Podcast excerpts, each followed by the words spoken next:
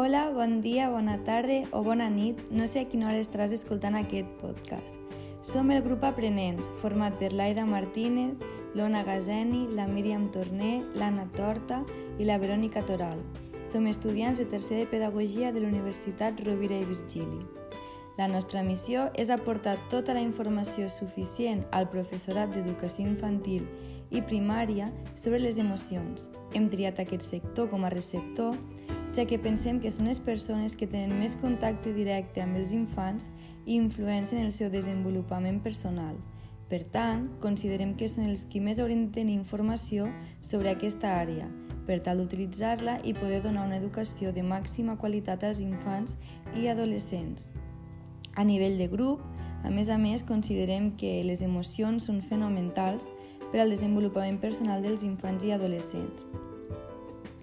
Al llarg del podcast podreu trobar el següent, la justificació de per què les emocions són importants des de la neurociència, quines són les emocions principals i les seves característiques més destacables i, per últim, recursos bàsics que tenim a l'abast per treballar-les.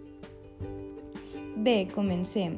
Si ens preguntem què són les emocions, són un estat mental intens que sorgeix en el sistema nerviós, de manera totalment espontània i a més a més provoca una resposta psicològica positiva o negativa. És un impuls involuntari, originat com a, com a resposta als estímuls de l'ambient, que indueix sentiments tant a l'ésser humà com en animals i que desencadena conductes de reacció automàtica.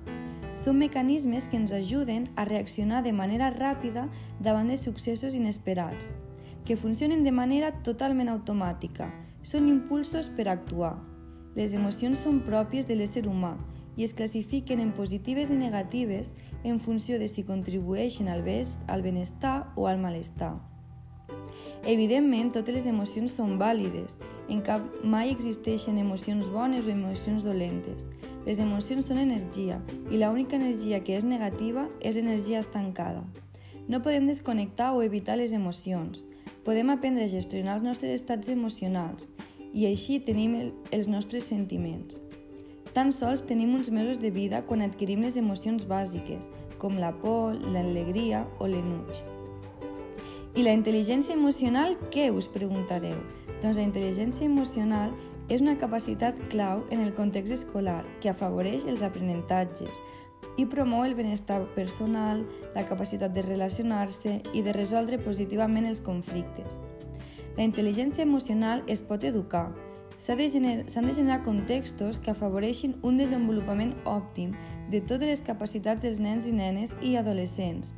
Deixar de visualitzar la persona des de la perspectiva estàtica de quina capacitat té per passar-la a veure a partir de quin potencial pot desenvolupar.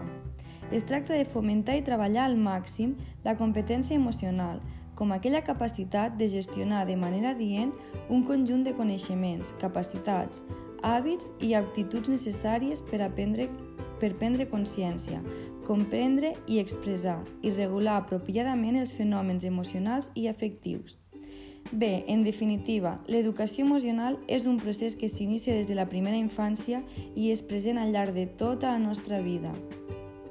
Esperem molt que us hagi agradat aquest podcast i us esperem en el següent capítol per descobrir per què les emocions són tan importants dins del sistema educatiu.